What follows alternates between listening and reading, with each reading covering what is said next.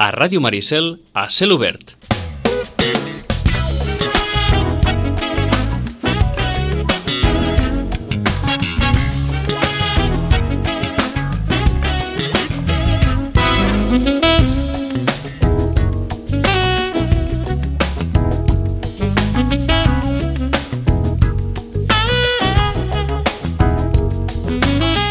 No sabem si la meitat de Vilanova deu estar dormint o no, però és clar, l'endemà de la festa major i del vot del poble i aquestes coses truquem eh?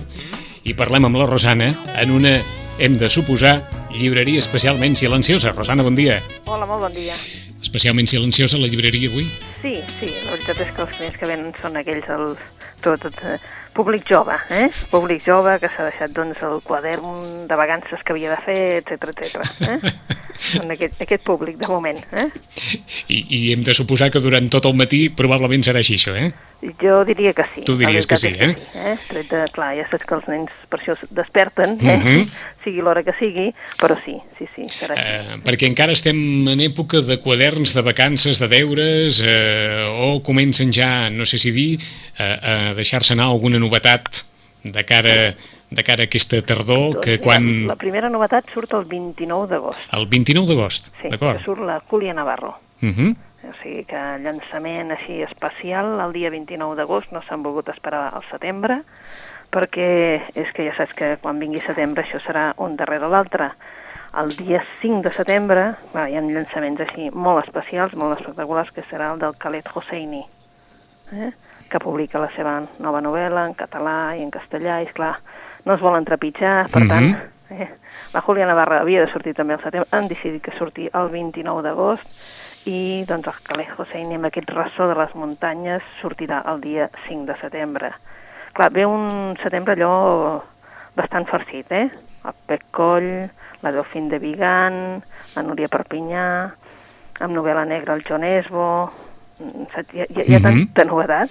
Oh, en- ens estranya perquè, mm, vaja, almenys, si podem recordar dels darrers anys, allò un setembre tan inicialment carregat de novetats no ens ve massa al cap. Doncs molt, molt. Sempre Molt. hi havia aquella, no?, de dir, Sí, bueno...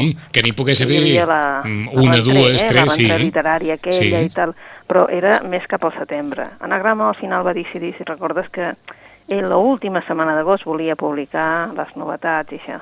I ara han començat a, a, a tothom a veure qui és el primer, saps? Clar, suposo que també, suposo que, eh, saps què passa? És un tema també de d'ocupar aparadors, no?, que n'hi diuen. De ser, clar, de ser els primers en, en ficar el llibre a l'aparador, tenir eh? piles a l'aparador de, de llibres i, i veure si els mitjans de Mhm. comunicació per, per, saps? poden fer un dia una cosa i l'altre dia l'altra, perquè si no, llavors, vull dir, si tot surt al mateix dia és molt difícil i es tapen, no? Per tant, el primer que arribi a l'aparador Sí, el primer, Tindrà- en, tin- en principi, el primer així en plan espectacular serà la Julia Navarro, una novel·la més llarga encara que la darrera, uh -huh. saps? I clar, eh, farà molta, molta soroll. Eh? no sabia bé que a les llibreries, més o menys com a la Fórmula 1, també hi ha pole position, eh? Sí, sí, sí, eh? ja ho veus, eh? El, sí que- els editors que col·loquen la novetat eh, en, en la primera posició de la- de l'estanteria i, i intenten mantenir-la, eh, aquests són els que tenen part de guanyat i per tant aquí qui, qui tira primer també aconsegueix un perquè bon és- resultat, eh? Sí, sí, perquè, clar, tothom pensava que el Kale Hosseini seria doncs, dels primers així, amb, potser per conegut i perquè tothom té un bon record de, de, del de Mil sols esplèndids, que va ser la seva darrera novel·la, o, o Cometes en el cielo, que era... Bueno, eh, doncs eh, aquest ara treu un llibre també que serà una història, és una història molt bonica, és una història d'amistat, de- d'allò d'amor també, clar, i clar, mm, amb un Mhm. Afganistan molt tocat i per tant eh, a tots ens, ens emociona. Doncs aquesta història d'amistat i amor, el ressò de les muntanyes, Mm. a partir del 5 de setembre. A partir del 5, sí. Per aquells que vulguin fer una mica de, de calaix, 5 de setembre, un mes, eh? Passarà això, passarà això relativament ràpid, ja ho saben que un cop travessem el 15 d'agost, sí. la, mà, la màquina es comença, Sí, es sí, comença sí, a moure una vegada eh, més. De Eh? fet, ara molts editors aprofiten per fer aquell període de vacances, no?, i per tant costa, i, costa pensar també que, que tanquin a l'agost, no? Però, però tanquen, les Mhm. editorials tanquen i hi ha uns dies cada vegada menys, és veritat, però aquesta setmana del 15 quasi, quasi tothom. D'acord. Eh? Fins que- magatzems i tal. Uh -huh. I a l'última setmana d'agost es torna a posar tot en marxa. Sí, perquè mm. també estava previst el de... El Toni Albà també treu llibre aquesta vegada i ho treu també el dia 5 de setembre, per això et dic que el dia 5 serà un dia molt Ahà. especial, eh? D'acord. Perquè és un llibre, eh, l'ha de treure abans, perquè és un llibre sobre Catalunya i es diu Ser o no ser catalans. D'acord. Per tant, és un llibre per l'11 de setembre, eh? Ah, exactament, eh? que aquest any n'hi ha bastants també. N'hi ha bastants, també? N'hi ha bastants, sí. Eh, Hi ha un altre llibre de fotografies del 1714, com que ja en teníem un, editat per, eh, per eh, Angla- ara n'hi ha un altre per F2, vull dir, Mhm. hi ha bastanta cosa que tocarà aquest tema, però la veritat és que el Toni fa aquí un llibre seriós sobre aquest tema, sobre aquesta qüestió, i ell diu això, eh? ser o no ser catalans, aquesta és la qüestió. D'acord. O sigui que no és un llibre que vagi amb... No, no, no té res a veure amb la faceta professional. D'acord, és a dir, no, no, és, no és això un registre còmic o... No, no, no, no, eh? en absolut. En absolut, eh? En absolut, no, no, no, no. Eh? Vull dir, ell parteix d'aquell monòleg de Shakespeare, no sé o no sé, Mhm. en aquest cas, però ser o no ser catalans, és, aquesta és la qüestió, no és un llibre diguéssim, de, mediàtic en el sentit de, no? de temes que, doncs, que, que seria més aviat d'humor i de... Sí. No, en absolut. Eh? Sinó que és, un, és una reflexió en, en profunditat, aquí. Exacte, sobre el D'acord. tema i, bueno, aquí a Vilanova farà la presentació el dia 13, o sigui Mhm. que... Ja avisem, per tant, en qualsevol cas, per aquells que tinguin, és clar, una imatge tan arquetípica de Toni Albà, Sí. eh, en- exercint de, de, de rei d'Espanya o exercint de qualsevol altre, Sí, que se la treguin perquè... que se la treguin perquè eh? el llibre no té res a veure amb aquest registre, eh? No, no, no. D'acord. No, no. Ser o no ser catalans, de Toni Albà, es presenta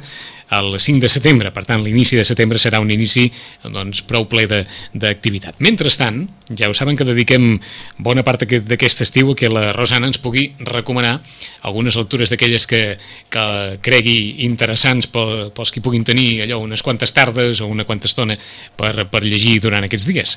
Per on comencem, Rosana? Doncs mira, comencem per una que diguéssim que és eh, una, una novetat d'aquelles que ha tret darrerament, darrerament, aquests darrers dies de, de juliol, l'editorial Salamandra, Mm. i és una del James Salter. El James Salter mm, comença ja a ser conegut, comença a ser perquè eh, es va publicar, eh, hi ha dos llibres que normalment, eh, que, que normalment ja hi són a la llibreria sempre, que són Quemar los días eh, i La última noche. I aquests llibres són llibres, diguéssim, de, de fons, no? d'aquells que estan sempre a la prestegeria Mhm.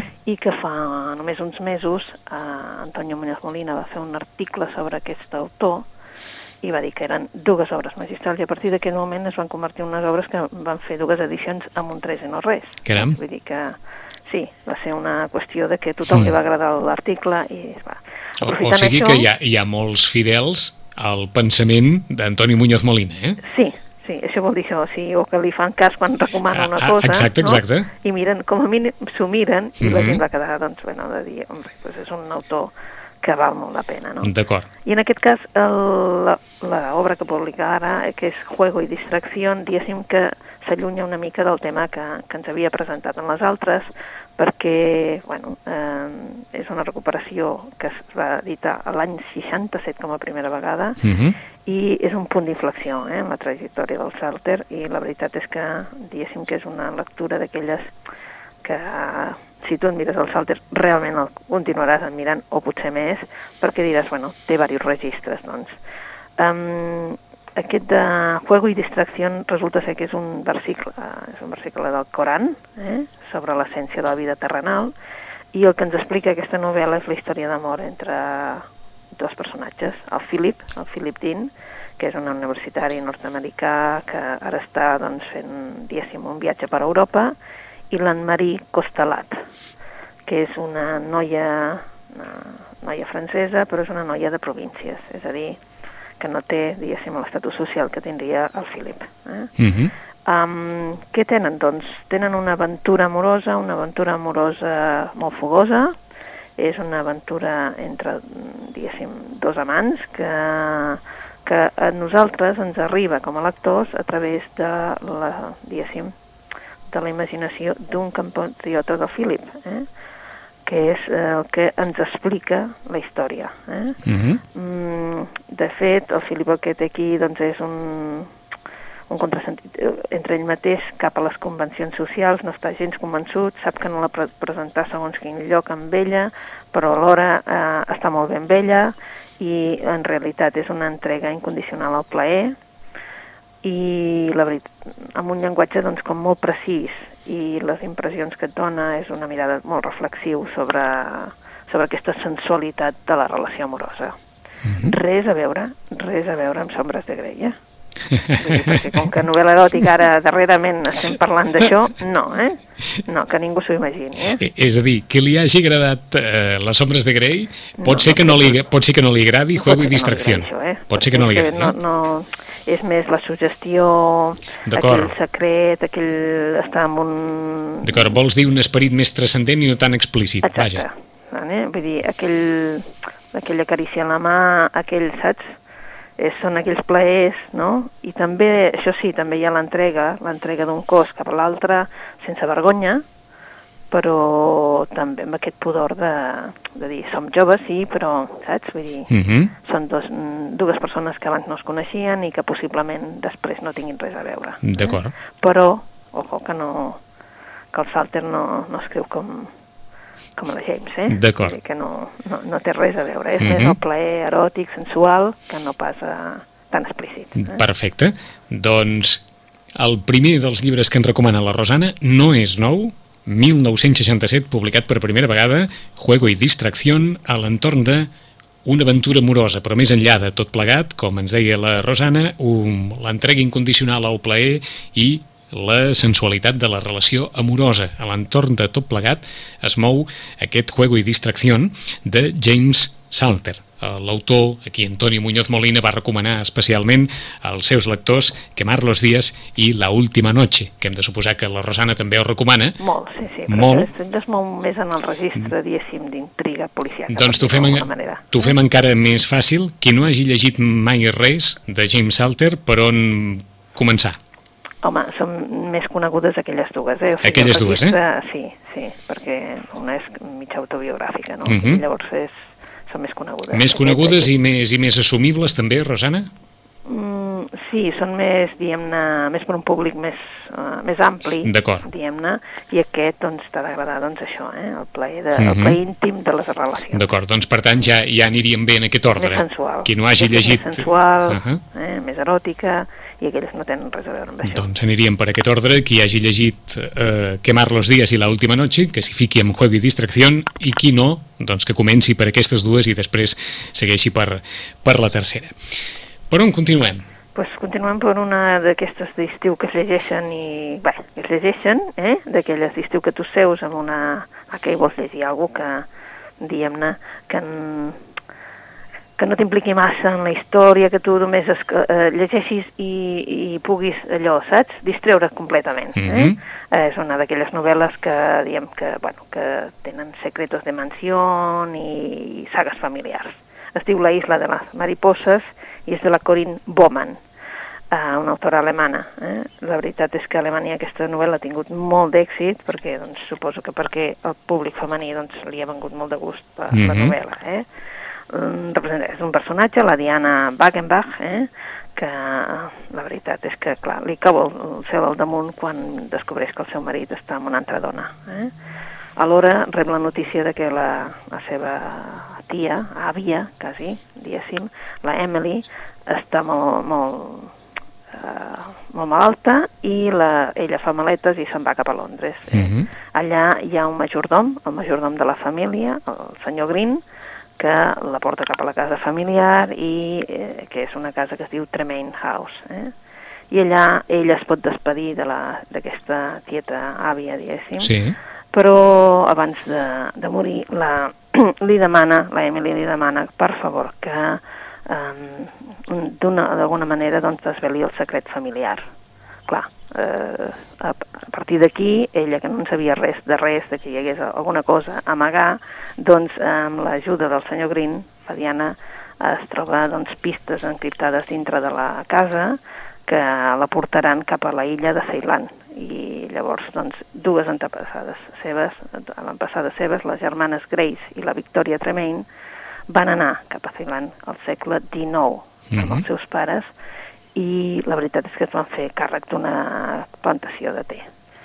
Clar, llavors te'n vas cap a aquest eh, paisatge, cap a aquest paisatge tan preciós i vas coneixent el, el pas de la de l'adolescència a la, a la bellesa de, de, també de la pròpia Diana, de, que ha passat tot això, però a més a més tens aquell regust d'aquell temps i aquell país. Mm -hmm es diu La isla de les mariposses, eh? per si volem viatjar des de casa, anar-se'n cap a un lloc com, a, com aquest, doncs podem agafar aquest llibre. Això sembla una novel·la de les d'abans, eh? Sí, és per això us deia que és una novel·la d'aquelles de seure i, i distreure't. D'acord. Simplement distreure't, uh -huh. eh? cosa que els altres doncs d'alguna manera t'estan exigint, aquest és de distreure's. Mm -hmm. La isla de les mariposses La de Corinne. Mm.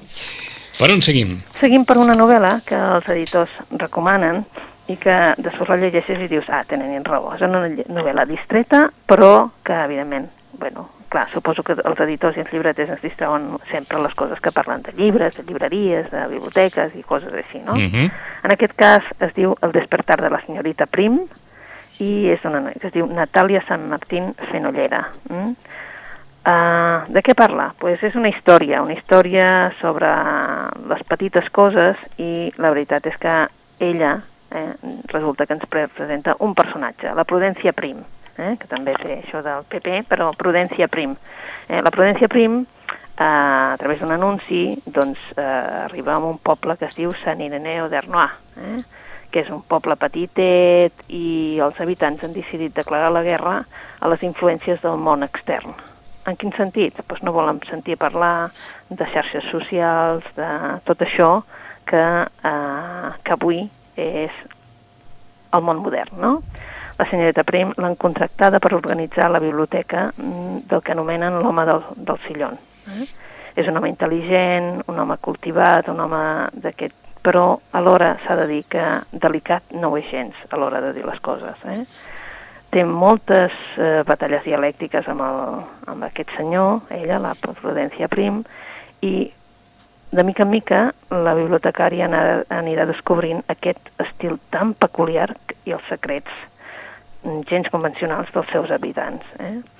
És una novel·la d'aquelles eh, que et, et porten cap a un paisatge, diguéssim, i un paraís perdut, diguéssim, uh mhm. -huh. en la que la raó, la bellesa que, que hi ha darrere les petites coses s'amaga en definitiva, eh, eh, ells han decidit doncs, buscar una mestra que no sigui gaire intel·ligent perquè, en definitiva, els pares són qui volen educar els seus fills. Però, evidentment, davant de la llei necessiten algú que faci veure que és mestre. Mm -hmm. Per tant, no la buscaran intel·ligent, sinó um, diguéssim, de lo més senzillet, perquè ella, doncs, és, ella va descobrint aquestes coses que diuen, però per què heu escollit a la pitjor que podíeu tenir? Perquè aquesta és la que farà de pantalla. Nosaltres volem educar els nostres fills, nosaltres els portem per Europa perquè vegin, doncs, a través de l'art, la, entenguin la, tot el que hi ha darrere, no? Uh -huh. A través de és a dir, que els ensenyen la cultura que ells voldrien ensenyar-los. Uh -huh. uh, en alguns dels diaris em parlen d'aquesta novel·la i la defineixen directament com una novel·la d'èxit que reivindica viure amb lentitud. Sí. Sí? És exactament seria És exactament això, seria això? Una escriptora, no. una escriptora jove, eh? Sí, de l'any, sí, sí, sí, sí, sí. nascuda l'any 70, Natàlia Sant Martín. Sí, sí, a més a més, vull dir, és una, és una novel·la d'aquelles sets que dius, bueno, eh? és com un conte, eh? però un conte que és novel·la. Eh? Mm -hmm. Llavors és això, no? Mm, és molt senzilla, però alhora, eh, bueno, té aquesta profunditat de dir, bueno, potser, potser sí que, saps? De vegades sí que penses que els pares també haurien d'educar fills, en el sentit aquest de dir, bueno, què voleu, quins, quin, o està més els continguts que volen eh, explicar-los. Mm -hmm. Per tant, hem tornat a posar-nos en una novel·la amb un cert esperit de reflexió. Sí, malgrat que, ja et dic, és molt senzilla, és divertida perquè veus eh, les seves dialèctiques amb el... Eh, perquè, és clar, tu no entens res, eh? Quan mm -hmm. ella no, entès, no, no entén absolutament res, no? I llavors, clar, doncs ha d'anar esbrinant per un i per un altre eh? què passa en aquest poble, no? Perquè tot és com a molt... eh, diguéssim que no s'entén gens. Eh? Mm -hmm. Però, clar, la veritat és que és molt fàcil de llegir, ja us dic, eh? No, no dura, dura una tarda, eh? Si t'hi poses, dura una tarda. Dura una tarda. El despertar de la senyorita Prim, de Natàlia Sant Martín, com els dèiem, una novel·la d'èxit que reivindica viure amb lentitud. Més, doncs depèn del que vulguem. Si volem doncs, viatjar, eh, una manera de viatjar és seure a casa i agafar-te una novel·la eh, d'aquestes de, de viatges, però en aquest cas, en comptes d'agafar una novel·la de viatges, agafem una novel·la d'una autora que ara feia temps que no publicava, que és la Bàrbara Wood. La Bàrbara Wood es va fer molt famosa en una època, no?, i sobretot amb les, eh, amb les novel·les que parlava doncs, dels cafeters de Kènia, etc etc. Mm -hmm. I ara se n'anem a Síria, eh? A Ugarit, a Síria al 1450 abans de Crist. Eh? I la família de la Lea és la filla d'un viticultor i va haver de fugir de, de Jericó la nit en què els egipcis van envair uh, Ugarit. Eh? Ella només tenia 18 anys i la veritat és que, eh, clar, per l'època, evidentment, ja és gran per casar-se. El Jotham, un constructor de vaixells, eh, demana la seva mà i durant la cerimònia ella el, el rebutja, diu que no, que no es vol casar i clar, ell evidentment ha de venjar-se, perquè això és molt gros fer-ho en aquella societat, no?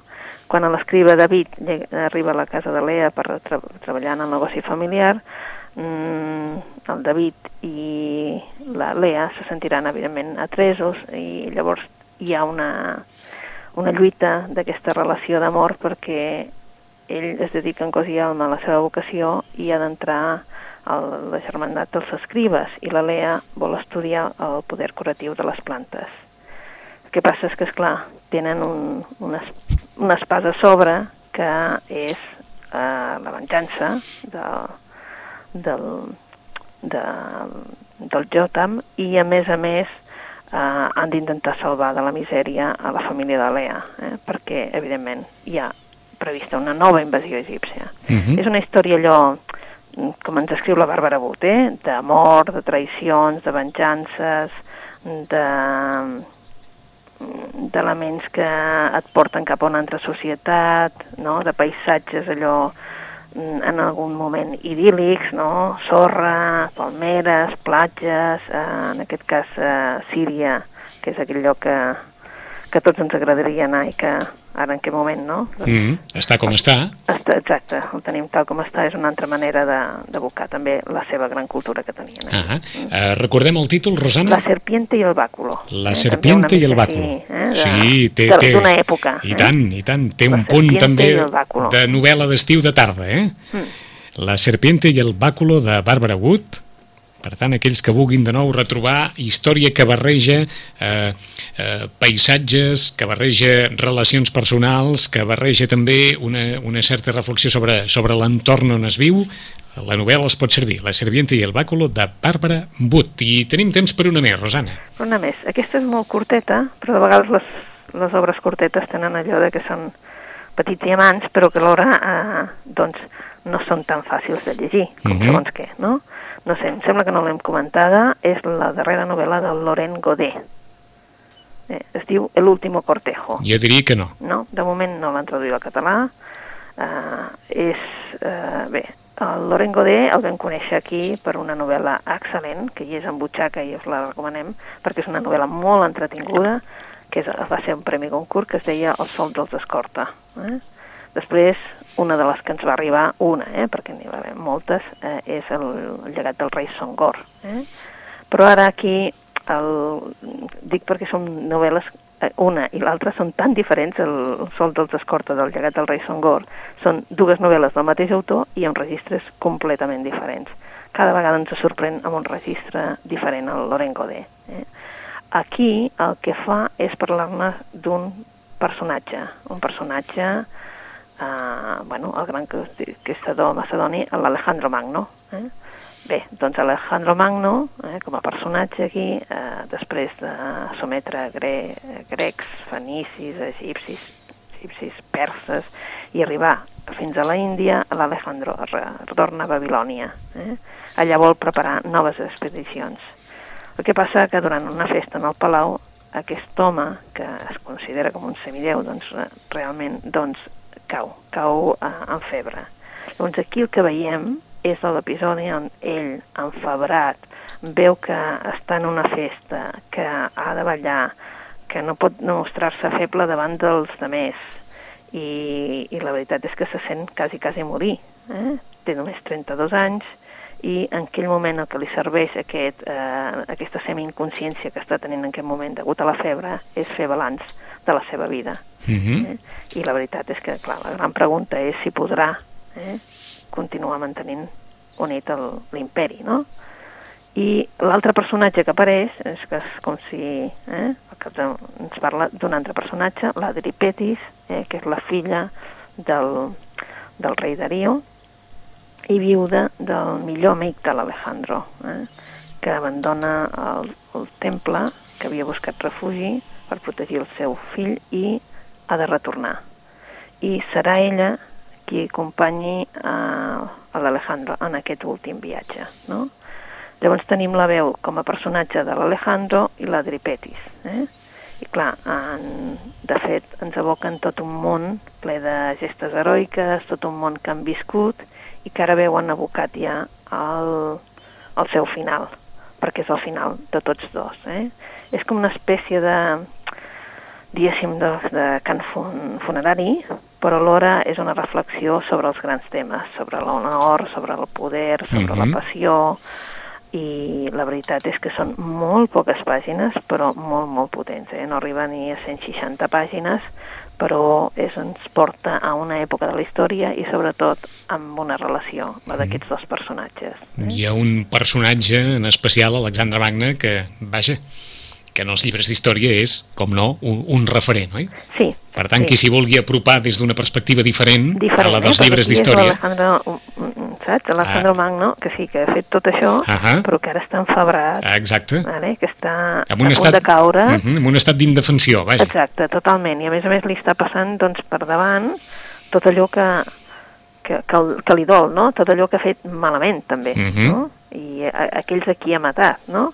I per tant... Eh... Mm, la consciència, vaja. Sí, exactament és això. Eh, passar, no? passar comptes en la consciència. Passar comptes, sí, i és curiós, perquè evidentment ja dic, només són 100, 150, uh -huh. 160 pàgines, però Dona és una escriptura així com molt, molt mesurada, mm. -huh. molt concentrada, i que també va a parlar-nos, doncs això, eh, d'aquests grans temes portats a l'extrem, eh? El Oi, perquè poder, dona... eh, la passió del cos, mhm. -huh.